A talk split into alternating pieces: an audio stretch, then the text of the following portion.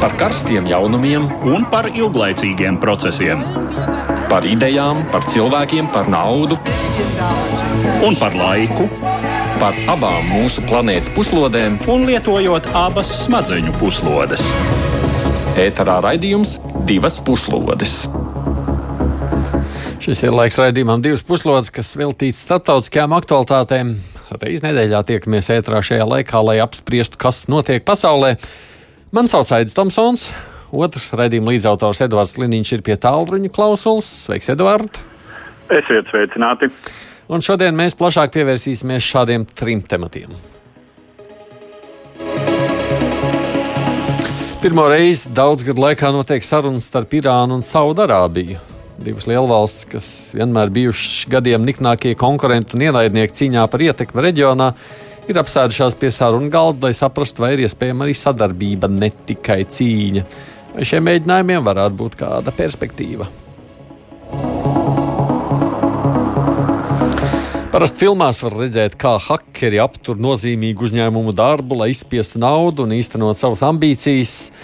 Pagājušās nedēļas nogalē hakeru komanda, nu, iespējams no Krievijas, ir spējusi apturēt naftas plūsmu lielākajā ASV naftas cauruļvadu sistēmā. Diez vai mēs uzzināsim, vai nauda tiks maks tika maksāta, bet tas jautājums, kā pasaule gatavojas šādiem, kā redzams, reāliem draudiem, kuriem iespējams arī ir nu, dramatisks seks. Bet mēs sāksim ar tiem dramatiskiem notikumiem, kas ir Izrēlā, kur strauji ir eskalējies konflikts starp izrēliešiem un palestīniešiem. Klausāmies vispirms faktu apkopojumu. Pēdējos gados Izrēlā un arī citur pasaulē ir valdījusi izjūta, ka vēsturiskā konflikta situācija ar palestīniešu iedzīvotājiem vairs nerada nopietnus draudus. Taču kopš pirmdienas Izrēlā notiekošais rāda, ka tā bijusi aplama ilūzija. Par šonadēļ uzliesmojušās asiņainās konfrontācijas epicentru kļuva Jeruzaleme, kuru spriedze augusi jau vairāku nedēļu ilgumā. Jeruzalemes austrumdaļa 1948. gadā veidojoties Izraels valstī palika ārpus tās robežām, un šeit dzīvojošiem ebrejiem nācās doties prom. Savukārt 1967. gadā, sešu dienu kara laikā, Austrum Jeruzalemi ieņēma Izraels armija. Tagad radikāla ebreju grupa mēģina tiesas ceļā atgūt vairākus līdz 1948. gadam ebrejiem piederējušus īpašumus, izliekot no tiem palestīniešu ģimenes. Palestīniešu sabiedrība uztver šo strīdu kā mēģinājumu vispār padzīt palestīniešu no Jeruzalemes, un Austrum Jeruzalemē jau apmēram pāris nedēļas notikušas sadursmes starp palestīniešu protestētājiem, policiju un radikālu ebreju grupām. Spriedzes eskalāciju veicināja arī tas, ka šogad islāma kalendāra galvenie svētki, Alkadras nakts, iekrita 8. maijā, kamēr 9. maijā ebreji atzīmēja Jeruzalemes atgūšanu 1967. gadā. Pirmdien palestīniešu pūlis sāk apmētāt ar akmeņiem policistus pie Aksas mošejas, likumsargiem atbildot ar apdulnošajām granātām un gumijas lodēm. Tās pašas dienas vakarā sākās Izraels teritorijas apšaudīšana ar raķetēm no kustības Hamas kontrolētās gāzes joslas. Pagājušās pāris dienās izšauts jau vairāk nekā tūkstoši raķetes, no kurām lielāko daļu pārtvērusi Izraels pretgaisa aizsardzība, taču dažas trāpījušas ēkām un automašīnām. Vakar tika ziņots par vismaz sešiem bojāgājušiem, tā skaitā vienu bērnu. Daudz vairāk upuru prasījuši Izraels atbildes triecienu pa gazas sektoru, izmantojot aviāciju un artilēriju, kā rezultātā līdz vakar vakaram bojā gājuši 67 palestīnieši, tā skaitā 16 bērni. Kā uzsver Izraels militāra personas triecienu mērķis bijušas raķešu pozīcijas un palestīniešu kaujinieku līderi. Tajā pat laikā vēl viena cīņas fronte parādījusies Izraēlas pilsētās, kur notikuši daudzi palestīniešu un ebreju grupu uzbrukumi pretējās puses iedzīvotājiem un īpašumiem. Vairāk cilvēki šais uzbrukumos smagi cietuši. Izraels valdība izvērsusi policijas spēkus pie tam Lodas pilsētā, kur ir jaukts iedzīvotāju sastāvs, ieviests ārkārtas stāvoklis armijai bloķējot pilsētu, un kā tiek norādīts, ka tāds notiek pirmo reizi kopš 1966. gada. Savienotās valstis, Francija, Eģipte, Jordānija un vairākas citas valstis izvērsušas diplomātiskus pūliņus situācijas noregulēšanai, taču tas var izrādīties grūts uzdevums, cik tālu konflikts lielā mērā izraisījies stihiski un palestīniešu līderiem nav tiešas kontrolas pār to dalībniekiem.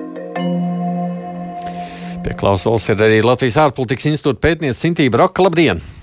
Labdien! No vienas puses jau varētu teikt, ka nekas tāds negaidīts nav. Spriedzi jau šajā teritorijā ir gadu desmitiem, varbūt pēdējos gados ir likās mierīgāk. Ir šis kaut kas vairāk nekā tikai tā pierastā spriedze, Sintīna? Uh, nu kā, kā jebkurš uh, tuvo austrumu konflikts, arī šis konflikts, protams, ir vēsturiski dziļš un daudzslāņains, bet uh, šie pēdējās nedēļas notikumi mm, nu, nu, viņus var vērtēt dažādi. Ja no vienas puses mēs, protams, varam argumentēt, ka uh, kurš met akmeni pirmais un kad Izrēlai ir tiesības sevi aizstāvēt, un, protams, tādas tiesības ir, ja, bet no otras puses mēs vērojam arī uh, arī uh, to cilvēku viedokļus un, un, un, un kas, kas, kas, otru viedokli, kas ir noticis Jeruzalemē un citur. Mēs skaidri redzam, ka tomēr uh, Izraēlas drošības dienesti skaidri provocēja uh, gan, gan, gan Jeruzalemes dienvidu, gan Jeruzalemes uh, svētajās vietās provocēja tātad palestīniešus, gan arī dažādi jauniešu grupējumi ir aktīvi, aktīvi provocējuši Hamas Hamas, Hamas, uh, Hamasu veikt šādas aktivitātes, mēs to visu saistītu tomēr ar uh, Izraels iekšpolitisko situāciju un, un valdības formēšanās izaicinājumiem, ar kuriem šobrīd saskarās Netanjahu. Un, uh, lai arī, protams, Izrēla, Izrēla argumentē ar to, ka tam nav nekāda sakara ar to, kas notiek uh, politiskajos gaitiņos, un tam nav nekāda sakara ar, ar Netanjahu. Uh, manās acīs šīs visas provokācijas ir ļoti skaidri un mētiecīgi veiktas, lai, lai, lai, lai ie, ie, ievilcinātu valdības uh, formēšanās procesu un savukārt, kas sniegtu Netanjahu uh, labākas pozīcijas uh, turpmākajās gaitās. Atsakot, tad, tad sakāt, tas ir tikai tāds iekšpolitisks uh, manevrs.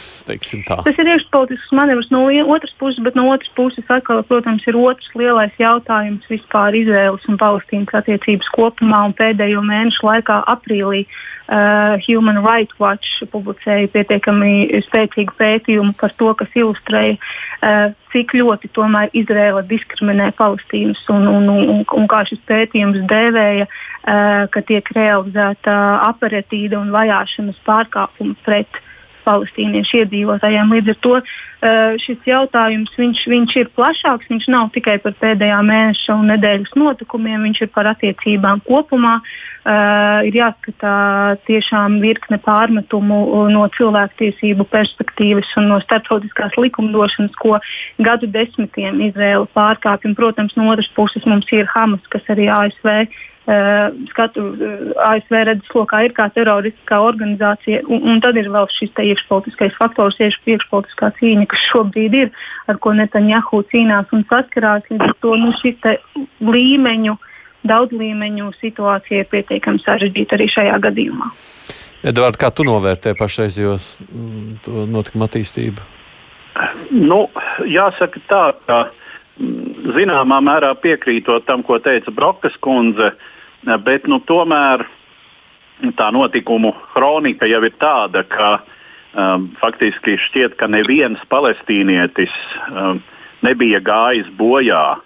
Um, nu, laikam tā tīri pēc stundām skatoties, laikam viens, viens palestīnietis konfliktā ar attiecīgi uh, kādiem ebrejiem bija sadurts, ja, un tad viņš zaudēja dzīvību. Un Eh, tajā brīdī jau no Gazas sektora sāk uz Izraelu lidot raķetes, nu, kas tomēr ir letāls, eh, nu, būtībā eh, liela kalibra iznīcināšanas ierocis. Pie tam, protams, tiek šauts ne jau uz primāri militāriem objektiem, bet uz civiliem kvartāliem ar domu nogalināt un terorizēt attiecīgi iedzīvotājus. Starp citu, šais raķešu uh, uzbrukumos no Gazas sektora ir gājuši bojā ne tikai ebreji, bet arī e, Izrēlā dzīvojoši arābu izcelsmes e, daži cilvēki. Tā kā, nu, teiksim tā, um, šī, šīs raķetes no Gāzes patiešām padara daudz ko. Um, nu, tas, tas, tas bija tomēr tāds eskalācijas līdzeklis uh, un tāds eskalācijas elements, uh, bez kura droši vien, eh, nu, pilnīgi noteikti, bez kura nebūtu šie desmiti upuru. Ja, tas tomēr ir uz Palestīnas atbrīvošanas organizācijas, uh, uz Palestīnas autonomijas un vispār palestīniešu līderu. Nu, Pirmkārt, protams, uz Hamas sirdsapziņas. Lai gan jā, es arī neizslēdzu, ka savukārt bija provokācijas no Uh, respektīvi, ir, ir, tas ir nepārprotami, ka provokatīvi uzvedās radikālo ebreju uh, grupējumu pārstāvji, uh, un patiešām tur ir mēģinājumi saka, izdzīvot šos arābus no uh, Jeruzalemes, kuru uh, ebreji uzskata primāri par savējo. Un uh, situācijā, kad patiešām Netanjahu Uh, ir ļoti liels jautājums, vai viņš tuvāko mēnešu laikā jau, vairs, jau nepārvietosies no, uh, no uh, premjerministra kabineta uz cietuma kameru.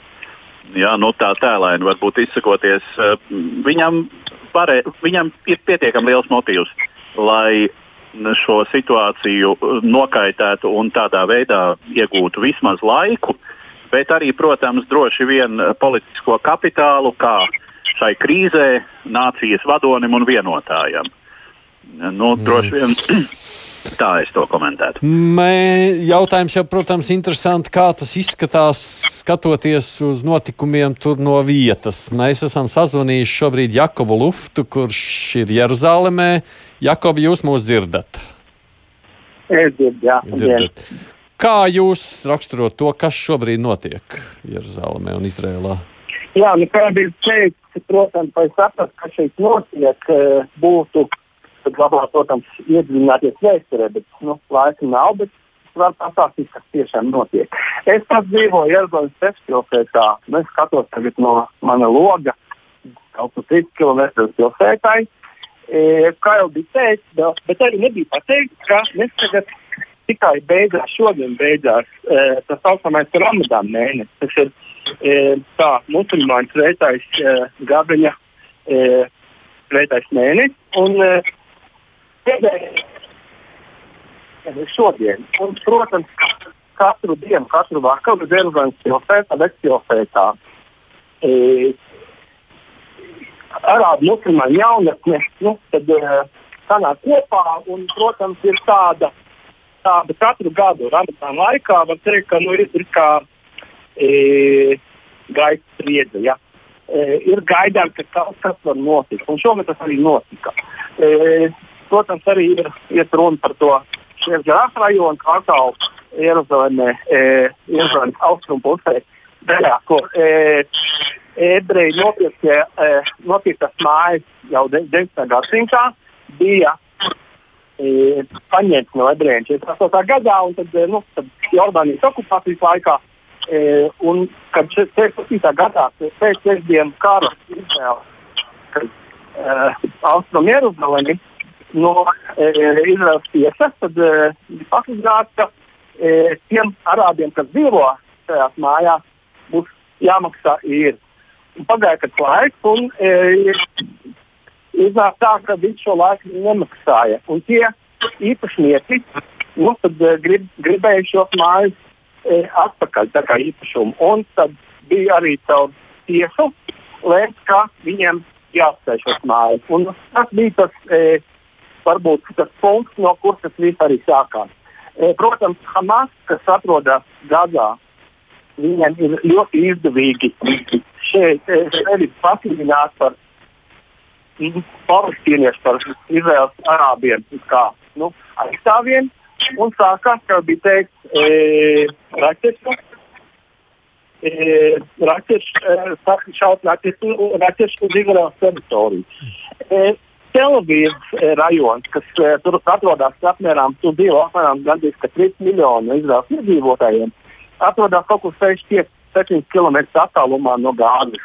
Un vairākums no tām raķetēm arī krīt uz turieni. Tur arī tas nu, var teikt, ka vairākums no Izraels lielpilsētām atrodas šajā rajonā. Raķetes arī krīt Telavīvā, Ramatganā, Petahtikvā un citās pilsētās. Jeruzalemes pusi bija viens mēģinājums e, caut uz mūsu pusi.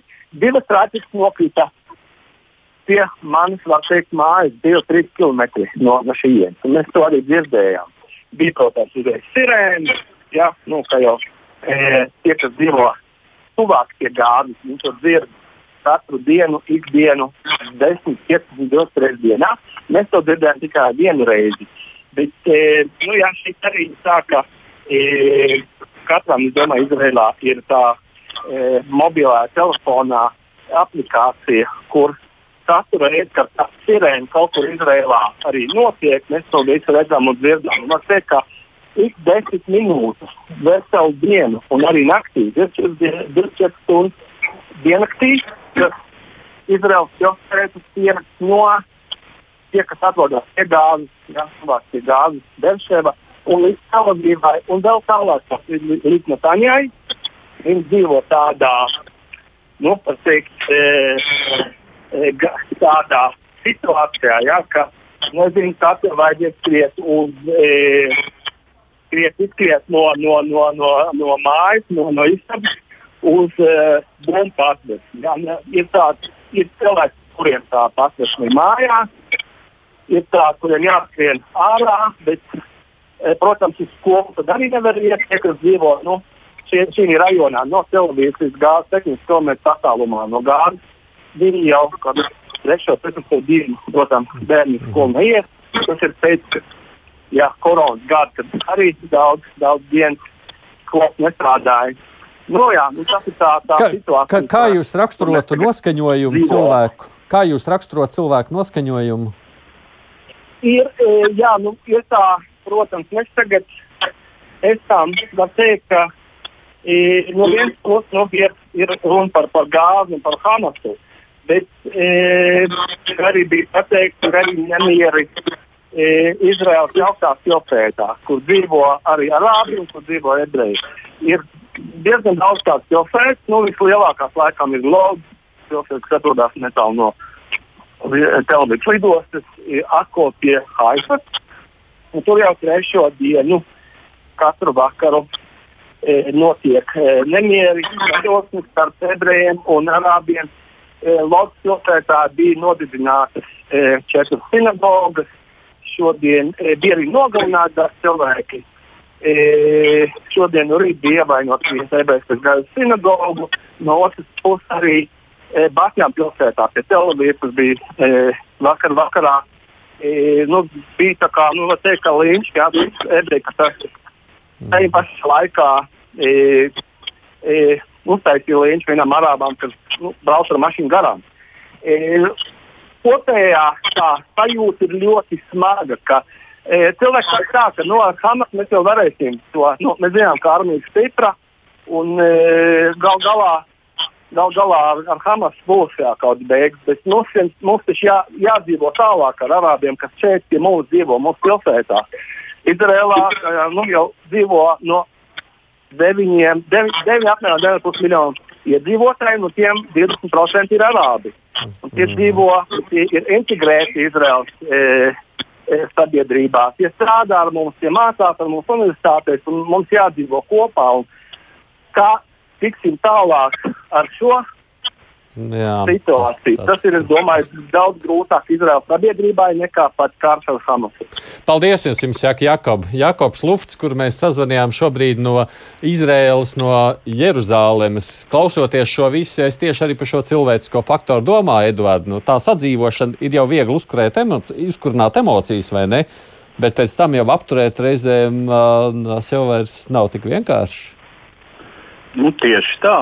Un tā jau ir šie konflikti arī mm, izraisās, un pēc tam ir ļoti grūti to džinu iedzīt atpakaļ pudelē, kā saka.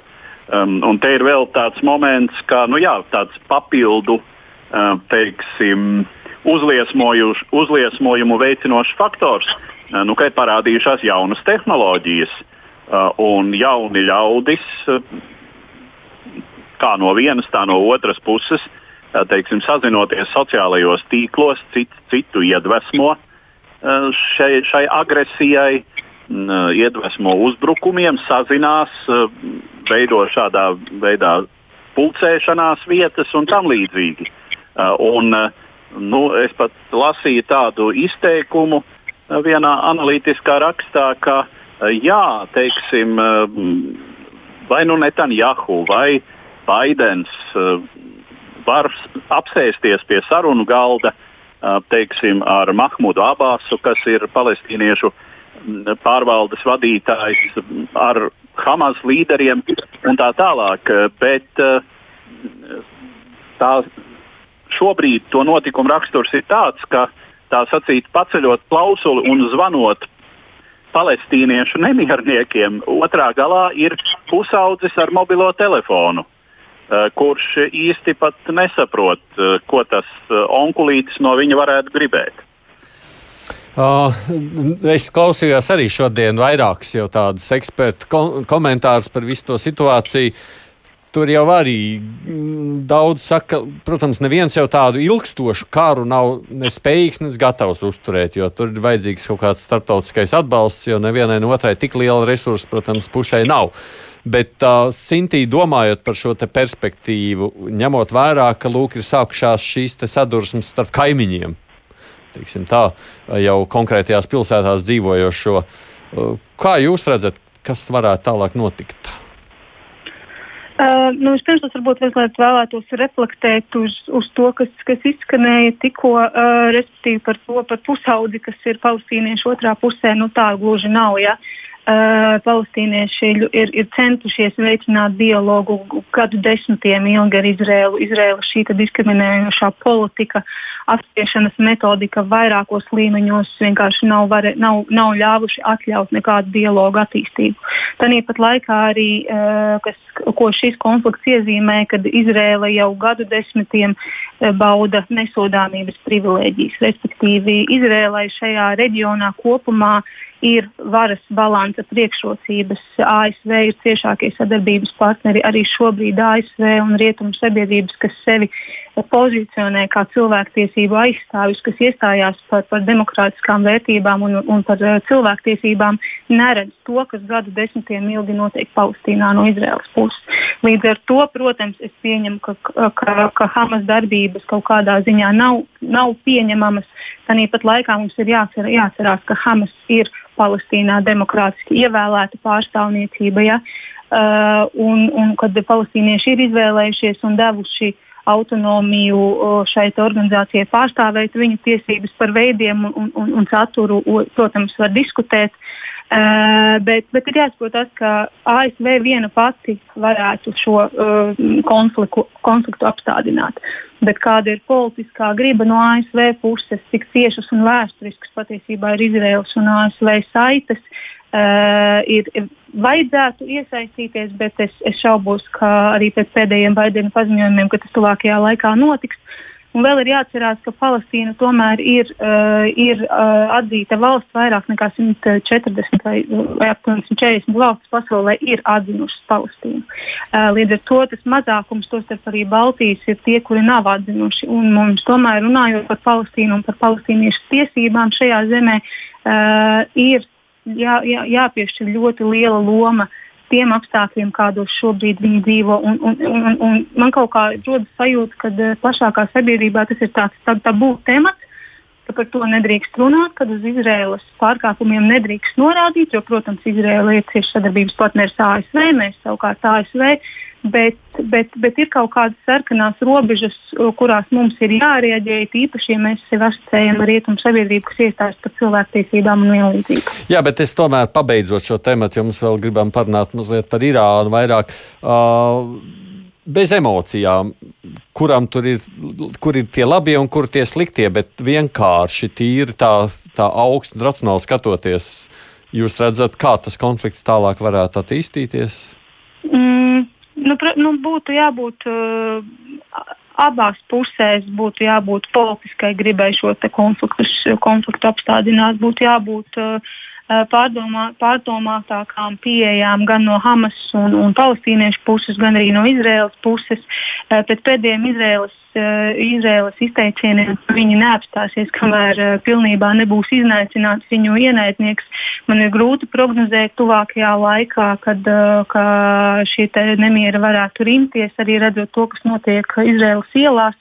Un, un pilsētās ir grūti redzēt tādu ātru Uh, situācijas risinājumu. Nu, tas, tas varbūt tiešām ātrākais veids būtu, ja iesaistītos ASV rietumu sabiedrotie un, un, un, aicinātu varbūt Izraels pusi deeskalēt Uh, situācija. Jo, jo, jo vēl ir arī būtisks tas, lai arī raķeti pirmie šāvis Hamas, bet tajā brīdī, tiklīdz mēs, mēs iesaistamies, mēs ņemam dalību šajā konfliktā. Un šajā brīdī abas puses ir vienlīdz atbildīgas par to, kur šis konflikts varētu eskalēties. Nu, vienīgais tā tikai replika no manas abas puses jau ir katrai savu reliģiju, un abas reliģijas balstās uz vienu principu - aci pret aci, zobu pret zobu. Un šādā situācijā Nu, tur jau ir tas grūtākais risinājuma meklējums, ja ir šāds princips. Bet mēs paliekam to austrumu reģionā dažas minūtes, tomēr vēl veltot nevis par Izraēlu un Palestīnu, bet par Irānu un tās politiku, jo tur arī bijuši ir jaunumi. Vispirms ieraksts. ASV prezidenta Donalda Trumpa lēmums izstāties no 2015. gadā panāktās kodolvienošanās ar Irānu, atjaunojot agrākās sankcijas pret Islāma republiku un ieviešot vēl jaunas, deva izšķirošu triecienu visam, ko attiecībās ar Teherānu bija sasniedzis viņa priekšgājējs Baraks Obama. Visai nozīmīga loma prezidenta Obamas diplomātiskajos pūļņos bija arī toreizējiem viceprezidentam Džo Baidenam. Kā norāda izdevuma politiko korespondente Nahala Tūsī, attiecības ar Irānu bijušas pašreizējā prezidenta interešu lokā jau kopš laika, kad viņš pagājušā gadsimta 70. gados kļuva par senatoru. Pie tam Baidens pieder pie tiem amerikāņu politiķiem, kuri tiekušies meklē dialogu iespējas ar ajatolu režīmu. Līdz ar to bija visnotaļ prognozējams, ka prezidenta Baidena administrācija mēģinās atjaunot 2015. gada vienošanās darbību un vispār uzlabot attiecības ar Irānu. Tas gan nebūtu nav vienkāršs uzdevums. Iesākumā var minēt kaut vai faktu, ka Vīnē notiekošajās sarunās par kodola vienošanās īstenošanu Irāna atteikusies no tieša dialoga ar amerikāņu delegāciju, risinot to tikai ar Francijas, Lielbritānijas un Vācijas starpniecību. Kā zināms, Teherāna ir atsākusi urāna bagātināšanu virs vienošanās noteiktajiem limitiem un sola to darīt arī turpmāk, ja ASV neatcels Trumpa administrācijas ieviestās sankcijas. Taču daļa no šīm sankcijām ir motivēts ar Islāma republikas konkrētām darbībām, finansējot un citādi atbalstot tādas organizācijas kā Hamas un Hezbollah, un to atcelšana noteikti sadurtos ar pretestību kongresā pie kam ne tikai no republikāņu, bet arī daudzu demokrātu puses. Visai krasi pret 2015. gada vienošanos Allaž iestājusies Izraela, kura visticamāk vainojama vairāku Irānas kodola ekspertu nogalināšanā pēdējos gados un arī aprīļa pirmajā pusē notikušajā sprādzienā vienā no Irānas kodola objektiem. Tas viss nevieš optimismu Irānas kodola vienošanās atjaunošanas sakarā. Samērā cerīgs signāls gan ir šonadēļ atklātā informācija, ka notiek sarunas starp Irānu un tās sāncens Persijas līča reģionā Saūdarābiju. Iespējams, Saūdu diplomātija varētu pabalstīt Irānu kodolvienošanās sakarā, savukārt Irāna ietekmēt Jemenas hutu nemierniekus, liekot viņiem pārtraukt uzbrukumus Saūdarābijai. Divas puslodes! Atgādījumi pie klausulas ir ārpolitikas institūta pētniece Sintīva Roka un kolēģis Edvards Liniņš. Cik liela uzmanība ir vērts pievērst šīm sarunām starp Irānu un Saudarābiju? Tur tiešām varētu būt Edvards kāds atkusnes abu valstu starpā. Nu, droši vien, ka um, ir iespējama zināma attiecību uzlabošanās, jo tā konfrontācija jau nevienai ne otrai pusē nav īpaši izdevīga. Uh, tā arī ir bīstama tādā ziņā, ka tās tiešām ir līdzās esošas valstis.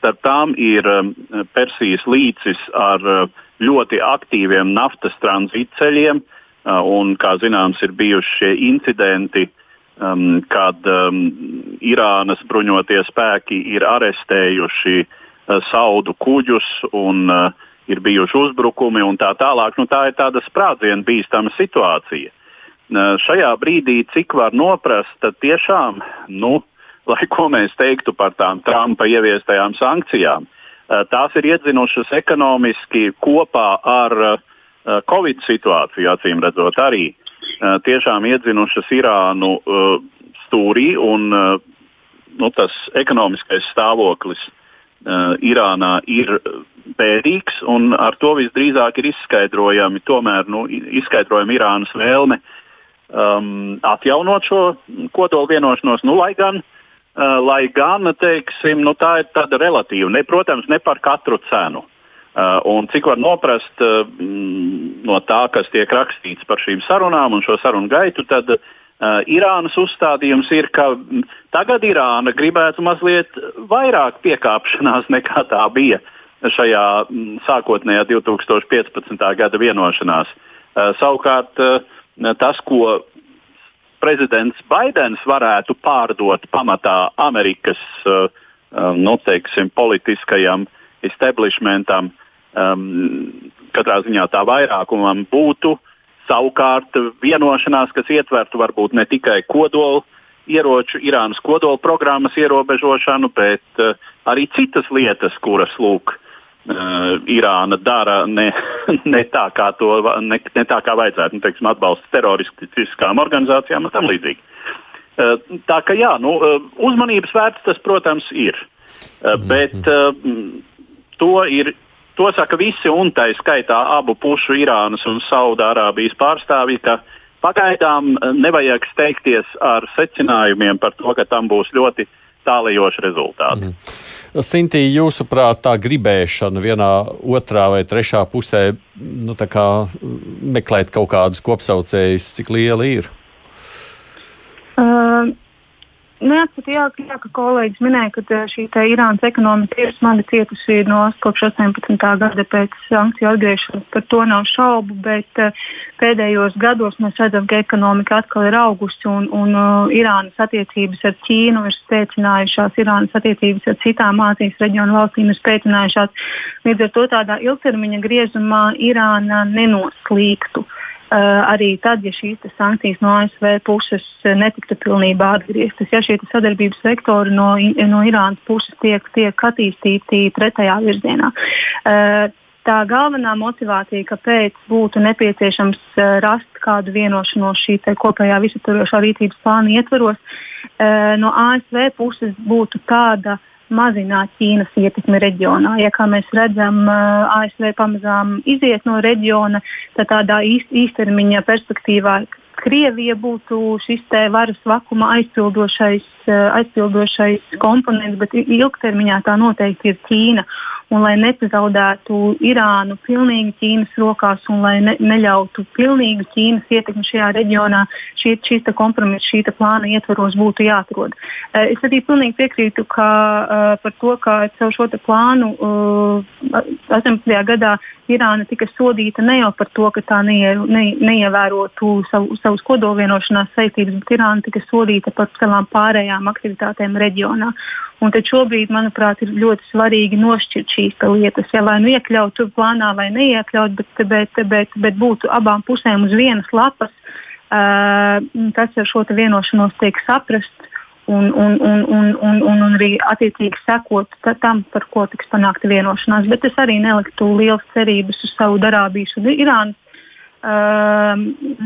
attiecību uzlabošanu no tādā diametrāli pretējā virzienā. Vispirms svarīgākais noteikti ir tas, kas, kas būs, kāds būs iznākums no Vīnas sarunām.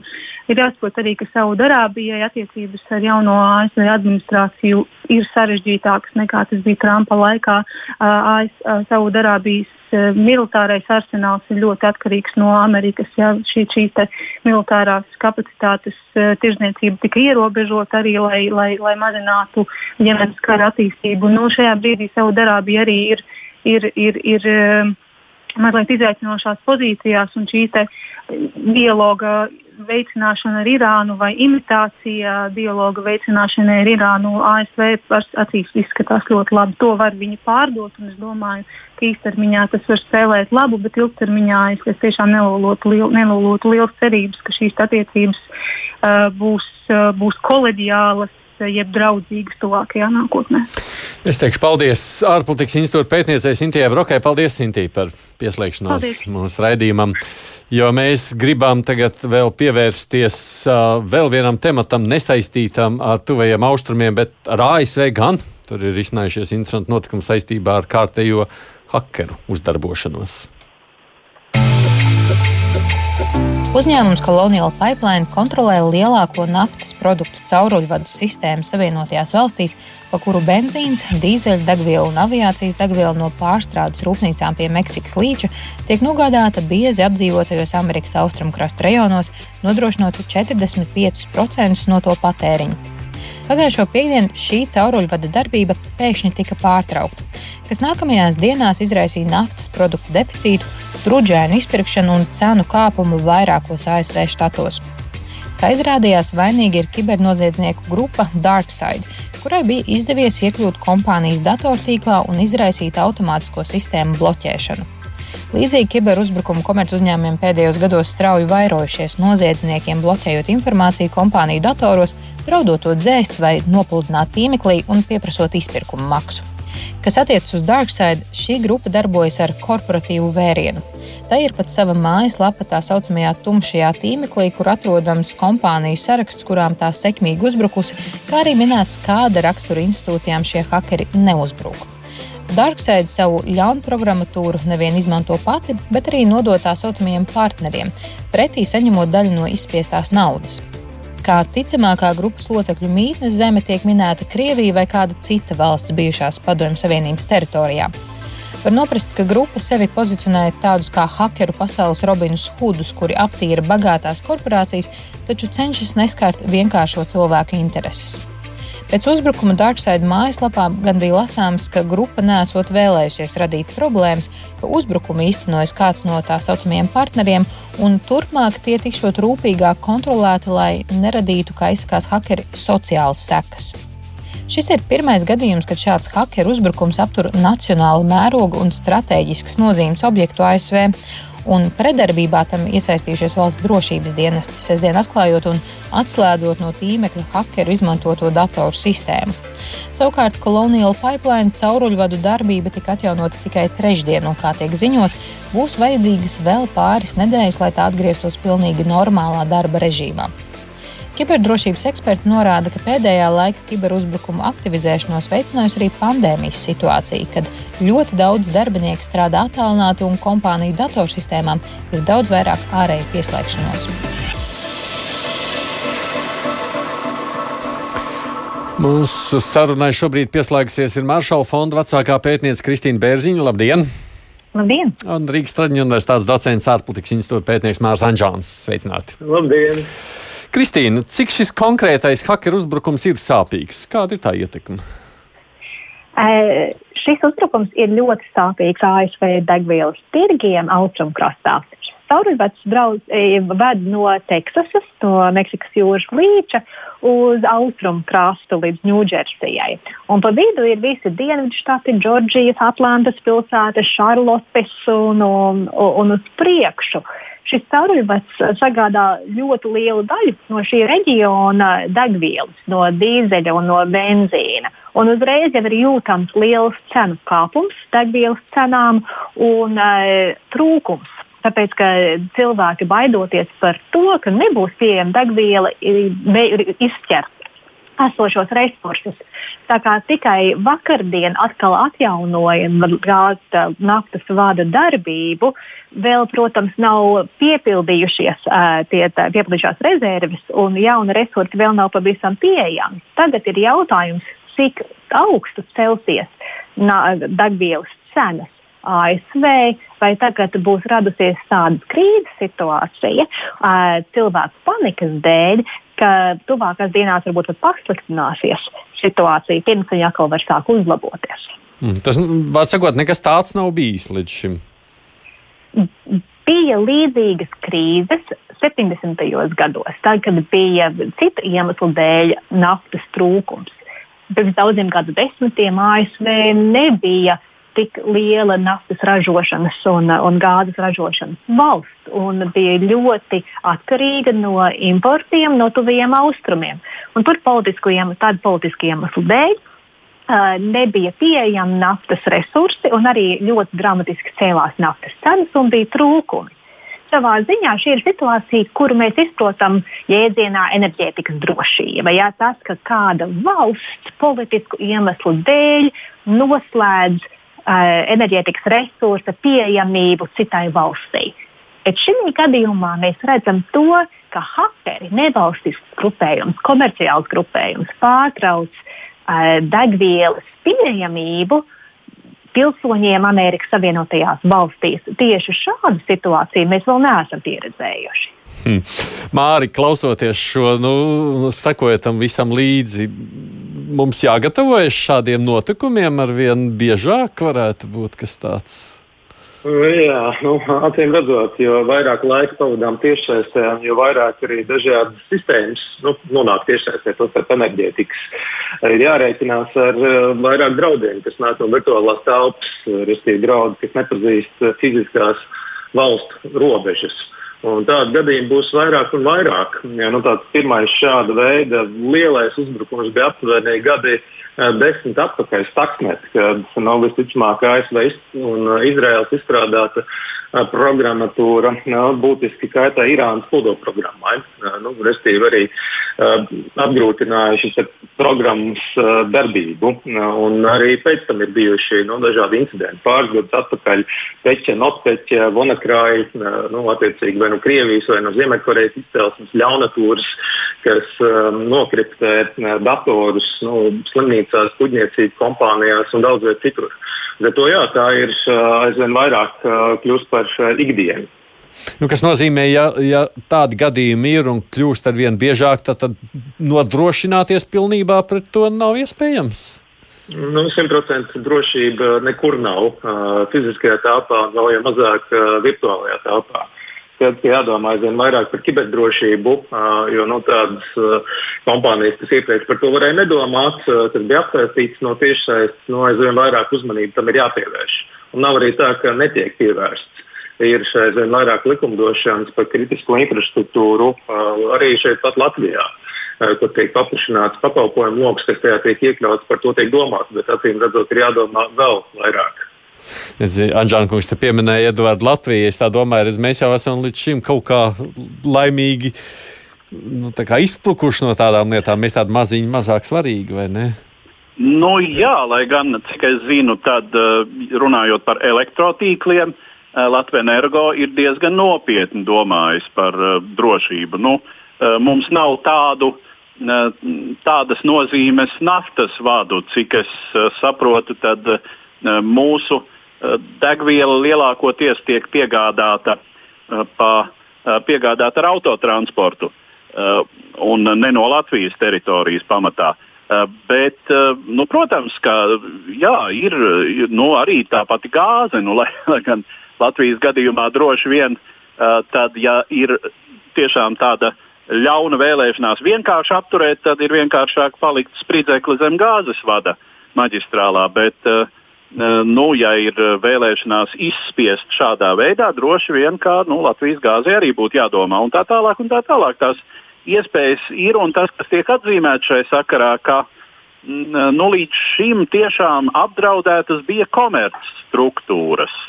Eh, kurās ir lielas naudas, kurās, eh, kuras arī lielākoties ir apdrošinātas eh, un līdz ar to vairāk disponētas savu biznesu atjaunošanai no kaut kādas samērīgas summas šķirties, jo pēc tam to varēs atgūt no apdrošinātāja ar lielu iespējamību.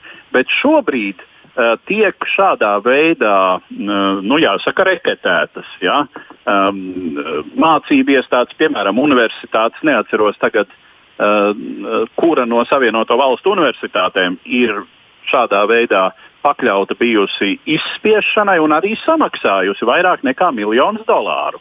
Liela universitāte ar plašām pētniecības programmām, kuras draudēja, uh, tā sacīt, kurām draudēja teju vai iznīcināšana. Mm. Nu, tā kā runājot par šo darkside grupējumu, tas pat mazliet varbūt komiski, ka viņi nu, cenšas spēlēt tādus labos zēnus un, un stāstīt, cik viņi ir ētiski un pat esot ziedojuši pārdesmit tūkstošus kādām labdarības organizācijām, kuras gan ir teikušas, ka nu, šādu naudu tās e, Nepieņems. visdrīzāk nepieņems. Ja?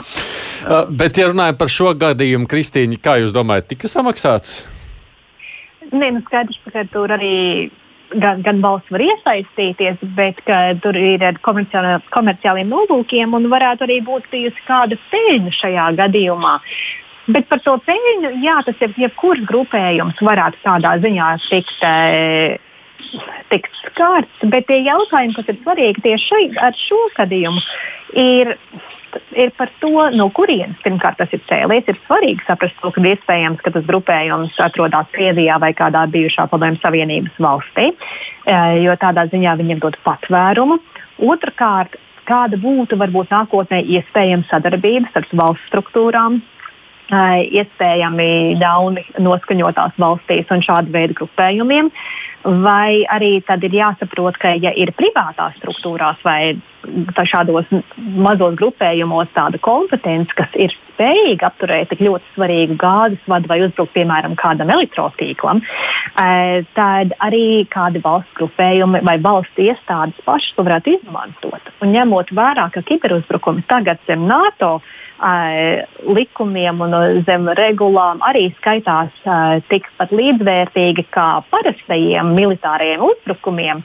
Mums ir jādomā par to, kas būtu noticis, ja šis uzbrukums nebūtu bijis no dark side, bez politiskiem mērķiem, bet būtu nācis no kādas valsts struktūras vai no, um, no austrumu kaimiņiem, vai Ziemeļkorejas, vai citām valstīm. Kādā veidā reaģētu ASV, kādā veidā reaģētu NATO, ko tas nozīmētu. Jo tas, ka varētu nākotnē izspēlēties šāda veida scenārijs, tas ir skaidrs. Mums jābūt gataviem saprast, kā rīkoties, cik ātri, ir, kāda ir atbilstoša atbilde Tas vēl mums nav pieredzēts. No mm, jā. bet to mēs noteikti nākotnē kaut kādā veidā arī pieredzēsim. Māri par šo tieši domājot, cik tur tā politika, cik tā nauda un kurš ir svarīgākais faktors šajā visā. Nu, pilnīgi noteikti viens miedarbojas ar otru. Jo arī tas, ko Kristīna minēja, par to, ka nu, ir valsts, kur kāds patvērums tiek dots šādiem kibernoziedzniekiem. Nu, nav noslēpums, ka Krievija vēl viena otra valsts izmanto arī no, šo noziedznieku pakalpojumus valsts labā. Nu, kad ja tiek kāds pieķerts par um, no, kibernoziegumiem, tad piedāvā vai nu, stāties um, likuma priekšā, vai arī palīdzēt valstī. Tas ir pilnveidot attiecīgās valsts uh, kiberuzbrukušās spējas. Un, un, un teiksim, tā, par sadarbību nu, jau daudz ir runāts, bet nu, ir vienkārši valsts, tā skaitā Krievija, kas īpaši nevēlas sadarboties šajā ziņā. Un, uh, naudas faktors, protams, ir lieta, kas arī Latvijas zināmā mērā pasargā. Jo nu, parasti tomēr vēršās pret lielākām korporācijām, kādas Latvijā nav, no kurām var izspiest naudu. Bet tas pat tajā pat laikā nepasargā arī mūsu uzņēmējus un iedzīvotājus, jo virkni izspiedē vīrusu arī nav pie mums plosās. Uh, un ir cilvēki, kas arī maksā par to, lai pēc tam datori tiek nu, atšifrēti vaļā. Jo nu, nav, nav tā, ka tikai tēmēts tie uzbrukumi. Tie uzbrukumi var būt arī pilnīgi nejauši. Tas gan taisnība tāds arī notiek, bet jūs, prāt, mēs uzzināsim, kas ir aiz tā viss šoreiz stāvējis.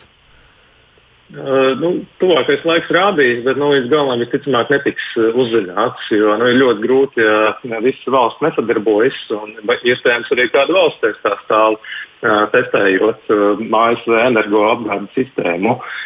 Un, un bieži vien jau kibertelpā tā vien ir, ka pierādīt neko nevar, bet nu, ar pirkstu ļoti skaidri var parādīt, no kurienes tas nāk. Nu, kas nozīmē, ja tur būs Krievija, ASV jau tik daudz uzzinās? Jā, nu, pilnīgi noteikti. Un, nu, ja tas nāk no turienes, tad nu, šis nav nekādā ziņā pirmais gadījums. Un arī prezidents Baidens ļoti skarbi izteicies par Krieviju, par uh, citiem uzbrukumiem, par uh, Solar Winds un par pārējām aktivitātēm, ko Krievija ir veikusi. Bet to tas uh, nu, darba kārtībā vien būs. Jā, nu temats bezgalīgi interesants. Man gribētos par šo pat kādreiz vairāk parunāt. Es jums saku paldies, jo laiks ir pabeidzies. Mums vēl ir dažas ziņas paredzētas īsumā. Rīgas Straģņu universitātes docents ārpolitikas institūta pētnieks Mārs Anģāns un Maršala fonda vecākā pētniece Kristīna Bērziņa. Paldies jums abiem! Un, protams, arī Edvards Liniņš, mūsu raidījuma otrs līdzautors, kurš uh, arī gatavoja šo faktisko apkopojumu. Paldies jums tiešām, kolēģi! Kā jau es saku, mums vēl ir raidījuma beigās atvēlēts laiks dažām citām ziņām īsumā, tādēļ turpinām tagad vēl ar citām aktualitātēm. Covid-19 Indijas paveids, kas saistīts ar eksplozīvi straujo jaunā koronavīrusa izplatīšanos Indijā, ir konstatēts 44 valstīs visā pasaulē. Tā trešdien paziņoja Pasaules veselības organizācija. Turklāt ir jau saņemts līdzīgas ziņas no vēl piecām valstīm. PVO iknedēļas epidemioloģiskajā ziņojumā par pandēmiju teikts, ka ārpus Indijas vislielākais šī paveida izraisīto slimības gadījumu skaits ir Lielbritānijā. Tas rada īpašas bažas, jo apvienotajā karalistē vakcinācija ir sekmīgāka nekā citvietā pasaulē.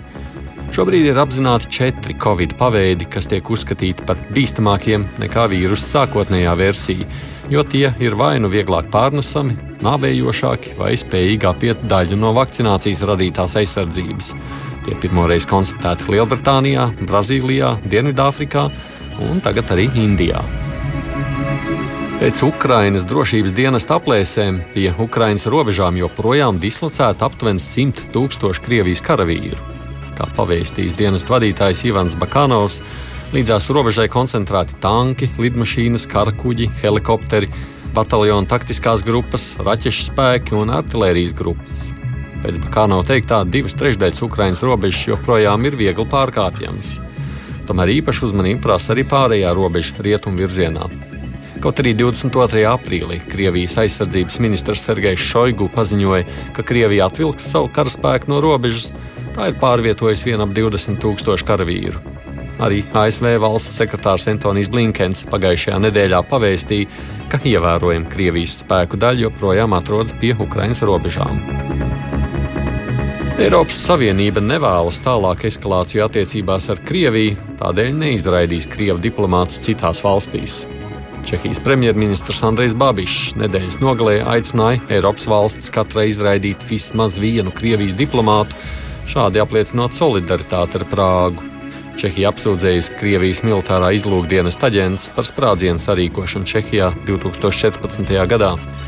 Apsūdzībām sekoja 18 Krievijas diplomātu izraidīšana, uz ko Krievija atbildēja ar 20 Čehijas diplomātu izraidīšanu.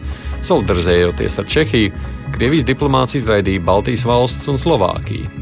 Tomēr Eiropas Savienības augstākais pārstāvis ārlietās Žuzeps Borels pirmdienas preses konferencē teica, ka nepieciešams neturpināt eskalāciju un ka, citēji, mums jāizrāda apņēmīgs atbalsts, taču tajā pašā laikā cenšoties nevairot spriedzi. Viņš aicināja sagaidīt, kādus rezultātus sniegs strateģiskā diskusija par attiecībām ar Krieviju, kas paredzēta ārkārtas Eiropas Savienības samitā 25. maijā. Kā jau bija gaidāms, Bulgārijas prezidents otrdien atlaidis parlamentu un izsludinājis jaunas vēlēšanas 11. jūlijā, jo partijas pēc 4. aprīļa vēlēšanām nespēja vienoties par valdību. Bulgārijā šī ir pirmā reize kopš komunistu režīma krišanas, kad partijas pēc vēlēšanām nespēja panākt kompromisu par valdības izveidošanu. Prezidents bija devis iespēju veidot valdību trim partijām ar lielāko pārstāvniecību parlamentā, tomēr neviena no tām nespēja rast partnerus koalīcijas izveidēji.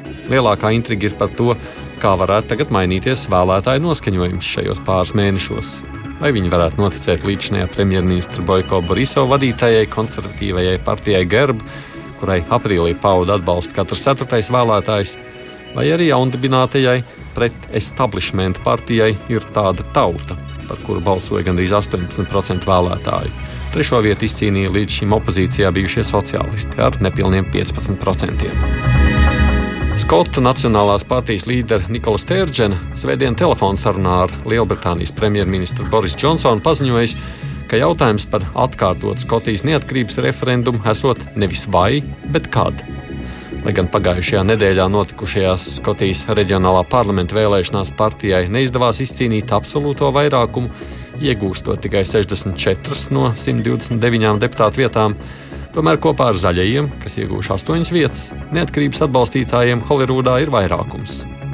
Savukārt Lielbritānijas kabineta kanclers ministrs Maikls Govs norādījis, ka Stērģena nav iegūs vairākumu, un tas liecinot, ka Skoti neiestājas par referendumu. Tiesa arī zaļo priekšvēlēšanu programmā tika solīts tuvāko piecu gadu laikā sarīkot atkārtot neatkarības referendumu. Apvienotās karalistes vienotības atbalstītāja organizācija Scotland Union apgalvo, ka viņu uzdevumā veikt aptaujā atklājies, ka vien 42% skotu iestājoties par neatkarību, bet 58% esot izteikušies par Lielbritānijas vienotības saglabāšanu. Lūk, tādas ziņas vēl šoreiz bija no dažādām lielākoties Eiropas valstīm. Ar to mūsu raidlaiks ir beidzies. Mēs varēsim tikties ētrā atkal pēc nedēļas, kad lūkosim, kas tad būs noticis nākamajās dienās. Bet šodien es no jums atvados. Studijā bija Aits Tomsons, mūsu producents ir Ieva Zeiza. Uz sadzirdēšanos nākamreiz. Divas puslodes!